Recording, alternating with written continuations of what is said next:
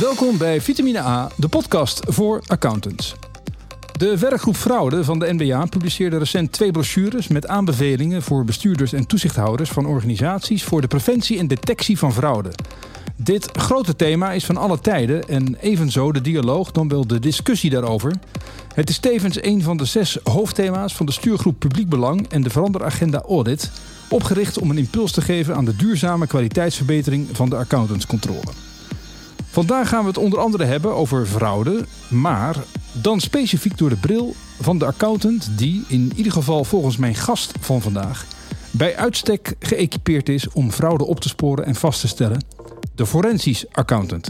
Hij begon ooit in 1984 als eh, onderzoeker in de rol van rijksaccountant bij de Belastingdienst. In 1995 kwam hij als registeraccountant in het forensisch accountantsberoep terecht, toen bij KPMG. Daarna had hij diverse leidinggevende posities bij onder andere Anderson, EY en Grant Thornton. En uh, op dit moment is hij actief als deskundige op het gebied van onafhankelijk financieel-economisch onderzoek en als expert op het gebied van integriteit en fraudebeheersing. En soms ook in de combinatie van die twee. En uh, vanuit deze deskundigheid staat hij ook vaak en graag voor de groep als docent. Mijn gast vandaag is Peter Schimmel. Peter, van harte welkom bij uh, Vitamine A. Dankjewel. We gaan het bij Vitamine A vandaag hebben over de forensisch accountant. Uh, om bij het begin te beginnen, Peter. Wat is wat jou betreft de definitie van een forensisch accountant? Nou, moet hier voor accountant zijn, dus anders mag je de titel niet, uh, niet gebruiken. Dus hij is een AA of een RA hier in Nederland. Um, hij werkt in principe uiteindelijk ten behoeve van het gerecht. Hij komt heel vaak niet in dat gerecht overigens, maar dat is de gedachte. Daar komt het woord forum vandaan. Op het forum wordt recht gesproken. En als je recht wil spreken, heb je feiten nodig. Dus hij is een, een feitenvinder, een feitenonderzoeker ten behoeve van ja, geschilsituaties. Situaties die in de rechtbank terecht kunnen komen. Dat is de basis. Daarnaast is hij, uh, en dat, dat is dan iets wat, wat op hem geplakt is, omdat uh, forensic heel vaak wordt geassocieerd met strafrecht. En als het over accountancy gaat, met fraude, als het over strafrecht gaat, wordt hij geacht heel veel te weten over fraude, integriteit, integriteit inbreuken, compliance inbreuken. Dus dat is het veld waar ik me heel veel in beweeg. Kan ik het samenvatten als een forensisch accountant is een, een sporenonderzoeker in financiën die op zoek is naar feiten om, uh, om mensen aan te koppelen? Het zou zomaar mijn definitie kunnen zijn. Uiteindelijk zit het altijd ertussen. Het, je, je zoekt en, en in die zin, uh, we hebben heel lang gezegd, je moet niet, niet naar CSI kijken of NCIS op televisie. Dat is onzin, dat gaat niet over ons vak. Maar de basis klopt wel. Je, je, zoekt sporen om die te koppelen aan een persoon, om die in verband met een bepaald incident te identificeren. Daar komt het een beetje op neer. Eh, in ons voorgesprek typeerde je de forensisch accountant als een uh, volstrekt onvolwassen beroep. Waarom is dat zo? Ik denk dat als je die definitie aan elke andere uh, forensisch accountant zou vragen, dat je allerlei nuances gaat krijgen, eigen uitleggen. heel vaak wordt er ook allemaal preventie en detectie en van alles erbij genoemd. Dat, dat, geeft al iets aan. Ik denk dat een professie, een professie kenmerkt zich in ieder geval het aanzien dat mensen denken: goh, dat is, dat is een beroep. Nou, dat, dat hebben we wel voor elkaar, denk ik. Dat is niet het punt. Het kenmerkt zich meestal ook door een, uh, een, een, gezamenlijke organisatie of iets dergelijks. Nou, die hebben we niet. Er is geen gilde van, van forensische accountants. Er is het MBA, daar zullen we het nog misschien over hebben, maar hoe, hoe die daar tegenover staat. En wat ook eigenlijk wel een echte professie uh, kenmerkt, is een eigen opleiding. Uh, met, met een certificaat of, of iets dergelijks. Dat hebben we ook niet. Dus in, in die zin is het een letterlijk onvolwassen beroep. Het streeft ernaar, naar wat ik allemaal zeg. We hebben diverse pogingen gedaan. We hebben één A2 hoogleraren die zich iets noemen wat lijkt op forensische accountant specialist of zo. Maar dat is het dan ook. Echt opleidingen zijn er niet. En zeg je daarmee de, de enige voorwaarde is dat je accountant bent en, en daarna kan je jezelf forensic accountant noemen? Ik denk dat je moet omkeren. Ik had net over de rechtspraak. Als de rechtspraak jou op een gegeven moment ziet als de deskundige die ze in, jou, in, ja, in de zaal willen hebben, dan ben je dus kennelijk een forensisch accountant.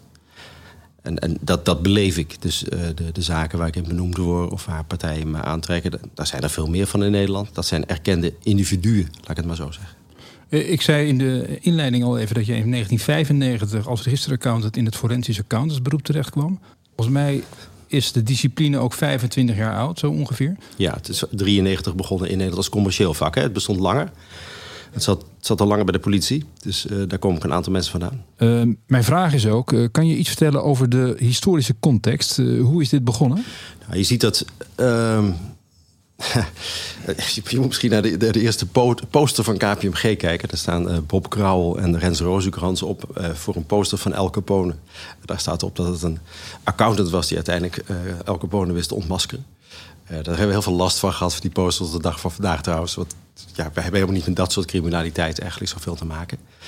Maar goed, je, je ziet daar wel een, een, een visie op criminaliteitsonderzoek. let's follow the money, laat ik het maar zo zeggen die uh, binnen de recherche al veel meer opgang had gedaan. Ik zeg, dat loopt al tien jaar vooruit voordat het commercieel uh, gaat, gaat lopen. Uh, in het Amerikaanse, in het Anglo-Saxische was er ook al langer dat er steeds meer accountants, financieel deskundigen in de recherche een rol gingen spelen. Niet altijd helemaal serieus genomen. Het echte recherchewerk is toch meer in het blauw. En dit waren geen blauwe mensen, dit waren ja, mensen met rekenmachines en, en, en potloden, weet ik veel wat. Dat is toch iets anders. Mm. Maar daar komt het wel vandaan. welke stap maakte jij dan in 1995 toen je zelf dat zeer jonge forensisch accountantsberoep instapte? Wat bewoog jou? Nou, ik, denk, ik denk dat je uh, terug moet gaan dat bijna iedereen in het vak op dat moment was een, een ex-rijksaccountant, zoals ik ook was begonnen. Uh, of een fiat, maar de Belastingdienst was een belangrijke bron. Binnen de Belastingdienst deden we dit soort werk eigenlijk al. En de dynamiek, daar moest je je in thuis voelen. De dynamiek tussen uh, een, een, partij die je inhuurt en een partij die je absoluut niet in huis wil hebben. Want dat is over het algemeen zo als je een controleur de Rijksbelastingen bent. Uh, als je daar goed in kon bewegen en een neutraliteit wist te creëren, waardoor je uh, wel uiteindelijk de vinger achter de feiten kon krijgen. Ja, dat, dat is eigenlijk het ideale basismodel waar die, waar die Rijksaccountant, ja, die Rijksaccountant tot forensisch accountant verwordt, laat ik het maar zo zeggen. Het is natuurlijk altijd een juridische omgeving waar je ook in werkt. Dus dat was, dat was er en dat, dat vond ik heel aangenaam. Ik ben vier jaar belastingadviseur geweest bij Loyens. Uh, dat vond ik ook heel aangenaam trouwens. Dat is, dat is heel anders, heel anders als vak. Maar ik was uiteindelijk een accountant. Ik ben geen belastingadviseur. Ik heb nooit fiscaal recht of fiscale economie gestudeerd. Dus uh, in, een, in, een, in een, een topfirma als Loyens daar de belastingadviseur uithangen... is best op je tenen lopen. Maar het moet je, ook leuk, je moet het ook leuk vinden. Dus toen ik de kans zag in 1995 uh, om bij KPMG Forensic aan te haken... wat eigenlijk de tent op dat moment was was in bloei. Uh, veel meer was er ook niet op commercieel gebied. Vond ik dat een heel goed idee. Het was ook een goed idee. Hè? Dus gewoon heel simpel. Het, was, het, is, het is iets wat. Het is op je lijf geschreven. Dat weet je. Uh, en als je daar zit en het is niet op je lijf geschreven, weet je dat ook meteen. Is dat te typeren, het verschil tussen, je zou kunnen zeggen, een normale accountant en iemand die affiniteit heeft met dat forensische aspect? Ja, ik denk dat het wel te typeren is. Je herkent het. Ik herken mensen ook tijdens sollicitatiegesprekken wel van... hé, hey, dit is er één. Dat hoeft niet per se een accountant te zijn... maar het is een, liefde voor detail. Een liefde om puzzels op te lossen. En, en eigenlijk een, uh, het is een rare uitspraak van me altijd... maar ik gebruik hem graag. Uh, niet, te veel, niet te veel rechtvaardigheidsgevoel. Je moet, je moet daar niet gaan zitten met het idee... ik ga, ik ga boeven vangen of zo. Dat doen we helemaal niet. Je probeert zo neutraal mogelijk de feiten vast te stellen ten behoeve van het beantwoorden van een rechtsvraag. En dan zit die kleur die je zou kunnen hebben je ongelooflijk in de weg. Dus mensen die uit de audit komen, en het zijn vaak accountants die in de audit zitten, die uh, nou, rond managerschap zitten of iets dergelijks, die helemaal geen bevrediging vinden in de jaarrekeningcontrole, omdat ja, ze niet zo geloven in het risicogebaseerde controlewerk.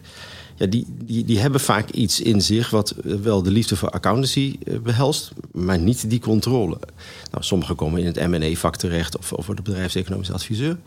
Maar uh, ja, juist die, die, die super detailist die wil weten hoe het echt zit, ja, dat is wel iemand die, die iets in zich heeft om dit, om dit te kunnen ontwikkelen. Want ik zou bijna veronderstellen dat je ook een beetje een avonturier moet zijn. Maar dat, dat ontkracht je eigenlijk ook wel. Nou, het avonturier moet er wel in zitten. Je moet wel uh, je moet stevig in je schoenen staan. Je, je zit met, met mensen aan tafel die uh, niet altijd helemaal schoon zijn wat betreft een strafblad, laat ik het zo zeggen. Dat kan voorkomen. Daar moet je ook vrij tegenover staan. Het, het is niet zozeer. Uh, ik, ik, dat is persoonlijk. Ik geloof er niet in dat mensen als boef worden geboren. Dat, dat is niet zo. Het zijn gewoon mensen die door omstandigheden in bepaalde situaties komen. Maar je moet heel goed wel begrijpen hoe, hoe dan. Uh, daar moet je in geïnteresseerd zijn. En, en, dat, dat houdt ook in dat je wel degelijk met het avontuur mee moet. Je moet, moet begrijpen waarom. Ik heb ooit de Van der Valks onderzocht in 1996. Dat was best een hele grote zaak, een bijzondere familie. Um, en die, die, stond een beetje tegenover de staat. Het was wel grappig dat je, dat je de dynamiek begrijpt van wat daar aan de hand is. Wil je, wil je begrijpen uh, hoe, hoe, hoe zij in elkaar zitten, hoe ze denken? Uh, ja, dan moet je wel je kunnen verplaatsen in wat jij dat avontuur noemt. Dat maakt het ook wel spannend. Laten we kijken of we dat werk van de forensisch accountant wat beeldender kunnen maken voor de luisteraar. Kan je eens schetsen welk palet aan skills een forensisch accountant nodig heeft om zijn werk goed te kunnen doen? Hij moet zijn beperkingen kennen in ieder geval. Dus als je van de valk gaat onderzoeken, moet je koks inhuren en van alles en nog wat dat je nodig hebt om, om, om te begrijpen wat er in die keuken gebeurt. Want daar ging het onderzoek over. Dus je, ja, je, moet, je moet een, een, een, scala aan, aan, bronnen hebben waarmee je zou kunnen optrekken. En uh, daar bereid open te staan. Je moet, je moet zitvlees hebben. Het is vaak doodsaai. We hebben geen materialiteit zoals je dat in de controle wel ziet. Je moet een rechter kunnen vertellen hoe het zit. Er is geen ruimte voor twijfel. En als er twijfel is, moet je dat zodanig weten te omschrijven. Uh, dat het heel concreet wordt. Dus waarom heb je daar twijfel aan?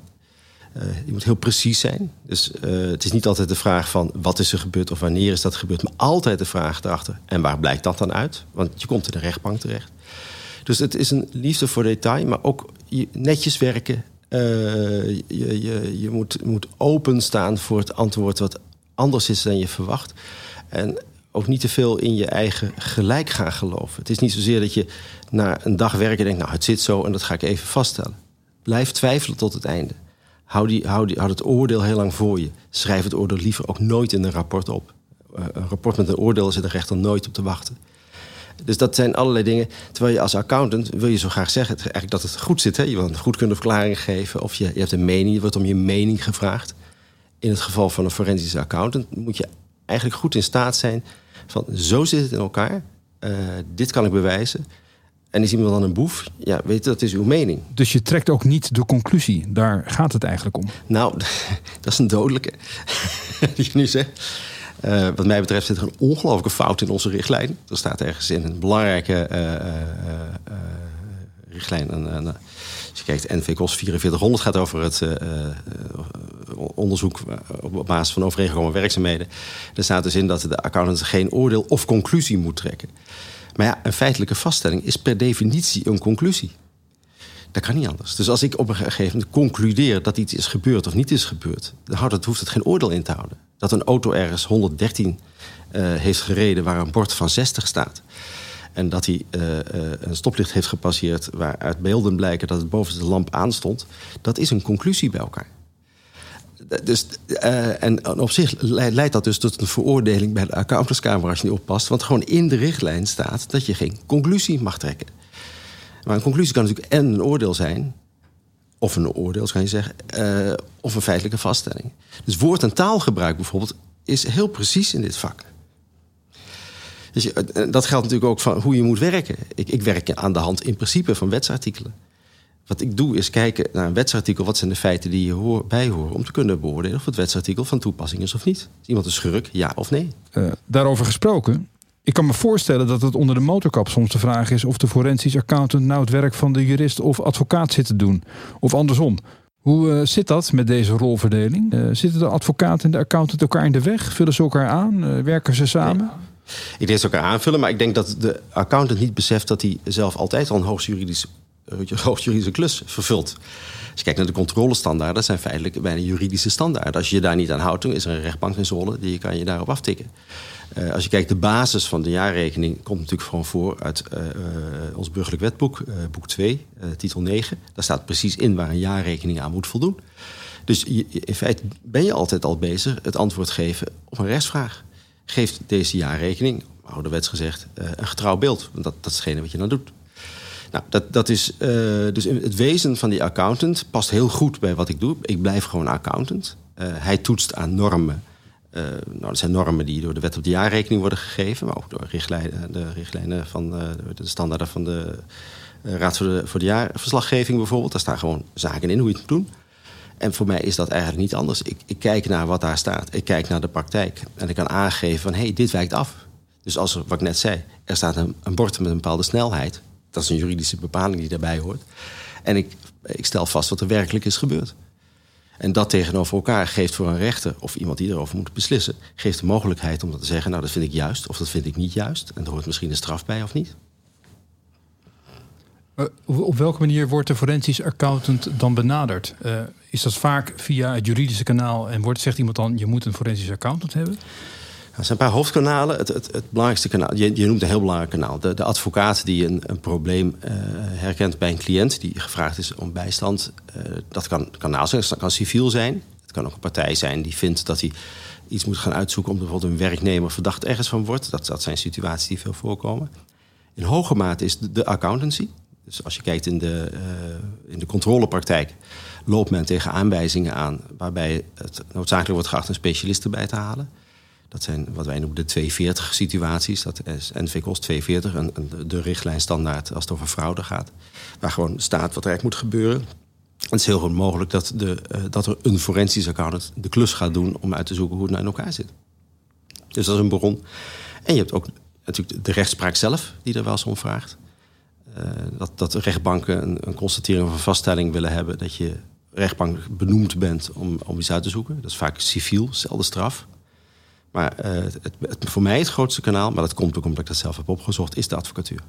Een discipline waar ik ook aan dacht, zoiets als IT. Want je zal heel vaak vandaag de dag natuurlijk niet meer in een kaartenbak, maar ergens in een computer moeten gaan graven. Ja. Hoeveel verstand moet je daarvan hebben? Dat, is, dat heeft een hele eigen vlucht genomen. Uh, gisteren was een mooi congres van de, de Hogeschool Leiden erover bijvoorbeeld. Waar uh, heeft men nog over e-discovery, maar dat is al lang niet meer. Dat, zijn, dat is echt een bijzonder interessant congres als het gaat over hoe, hoe doorgraaf je nou uh, de, het hele internet bijvoorbeeld? Uh, hoe, hoe, doe je dat op een, op een zodanige manier dat het in een strafprocesrecht te gebruiken is, bijvoorbeeld voor de opsporingsdiensten en dergelijke?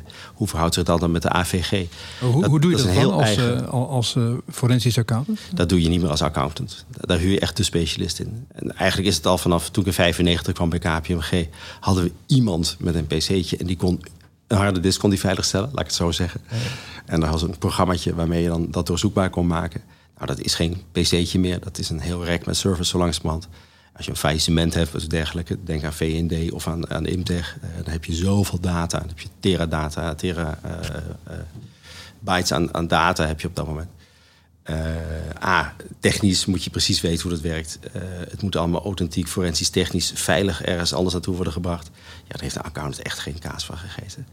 Het zijn vakken die bij elkaar zijn gekomen. Dus je ziet de IT-deskundigen, de, uh, waar, je, flink kaas moet hebben gegeten, ook van de hardware-kant. Uh, maar aan de andere kant alle, alle software die daar gebruikt wordt.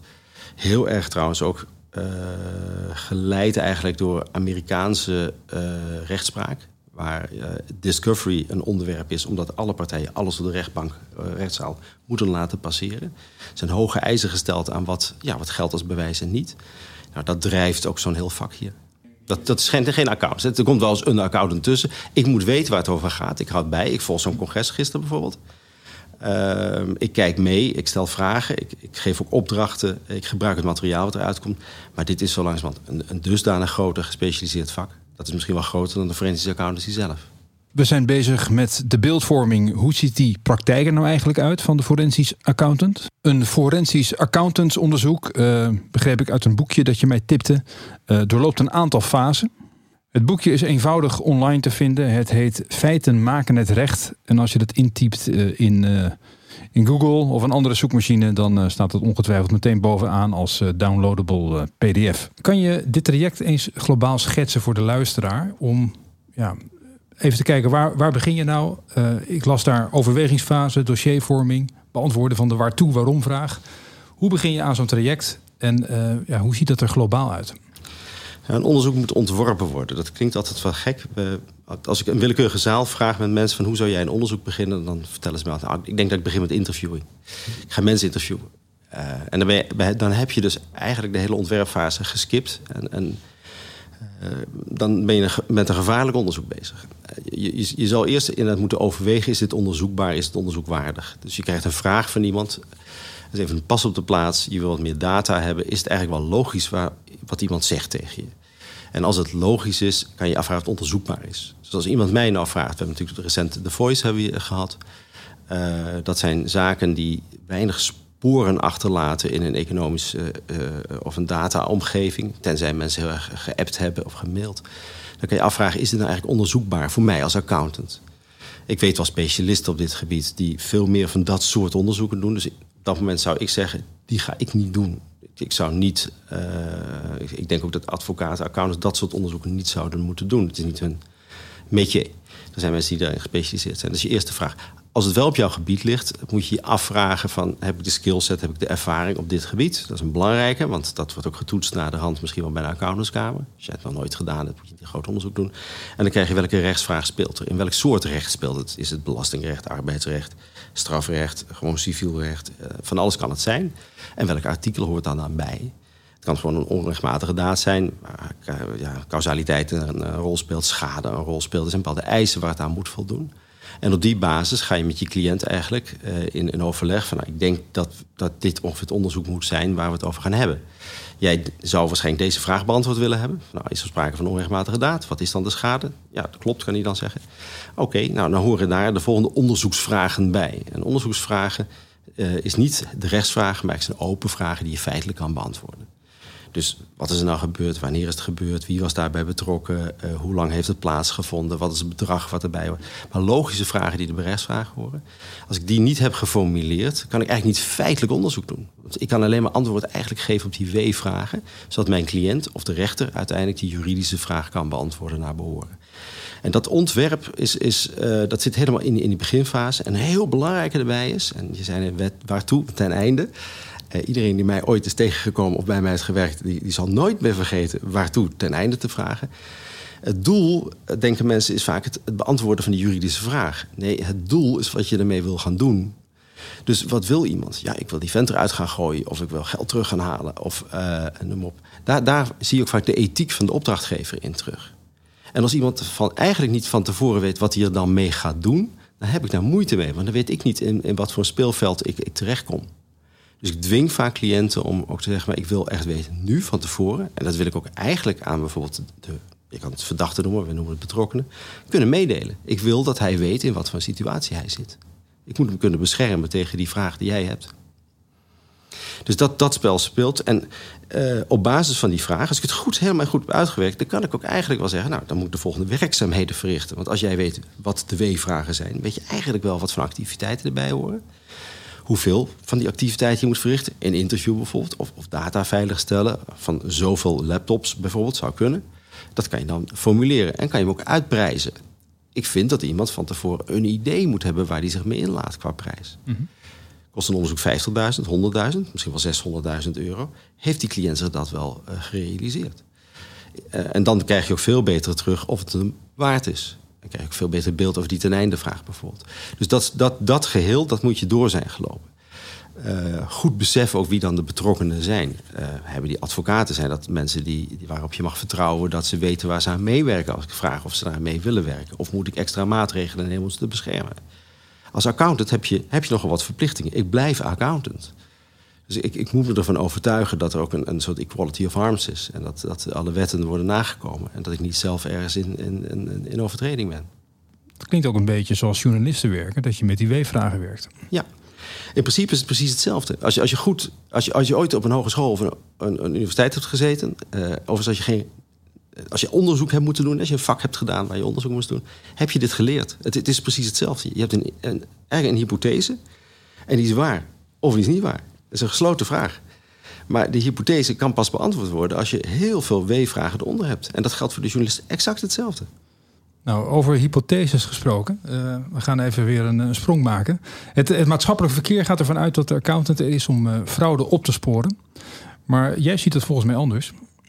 In, een uh, bericht van 1 februari op de NBA-website las ik over een recent onderzoek van de NBA naar hoe accountantsorganisaties op dit moment forensische expertise inzetten bij wettelijke controles. En de belangrijkste resultaten uit het onderzoek zijn dat de forensische expertise beperkt beschikbaar is dat forensische expertise is gecentreerd bij de grootste accountantsorganisaties. Bij circa 5% van de wettelijke controles werd in 2020 forensische expertise ingezet. Eh, de inzet van forensische expertise is nog vooral reactief. Inzet van forensische expertise draagt bij aan de kwaliteit. Er is weinig draagvlak voor verplichte inzet.